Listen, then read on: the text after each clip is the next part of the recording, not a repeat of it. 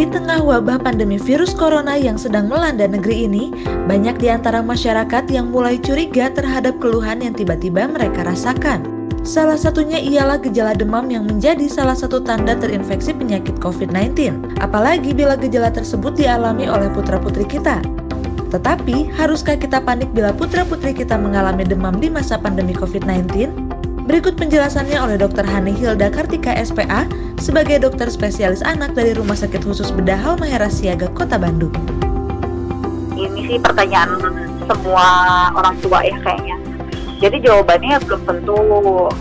Nanti kita harus lihat dulu demamnya berapa lama, apakah ada gejala lain yang menyertai lalu apakah ada kita anak-anak tersebut kontak dengan orang yang dicurigai COVID lalu apakah lingkungan sekitar kita termasuk biasanya kecamatan ya mappingnya kecamatan yang memang angka penderita COVID-nya tinggi gitu. Baru itu bisa bisa kita pikirkan ke arah sana.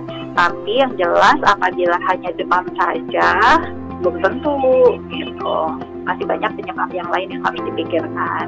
Jadi sekali lagi saya ingin mengingatkan kepada seluruh orang tua agar pertama tidak panik terutama dalam kondisi pandemi yang sekarang Lalu yang kedua jangan lupa ayo kita mulai sediakan termometer digital yang sederhana di rumah untuk uh, lebih mengetahui pasti kondisi apakah anak kita demam atau tidak. Dan yang ketiga boleh memberikan pertolongan pertama dengan pemberian obat demam yaitu paracetamol ya dengan berbagai merek yang ada di uh, beredar di masyarakat dengan catatan tidak ada kondisi gawat darurat ya.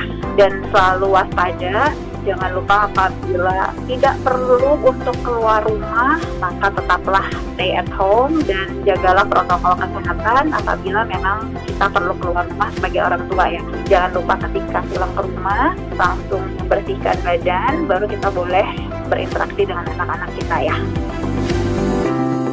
Demikian penjelasan oleh Dr. Hani Hilda Kartika SPA sebagai dokter spesialis anak dari Rumah Sakit Khusus Bedah Halmahera Siaga Kota Bandung mengenai demam pada anak di masa pandemi COVID-19.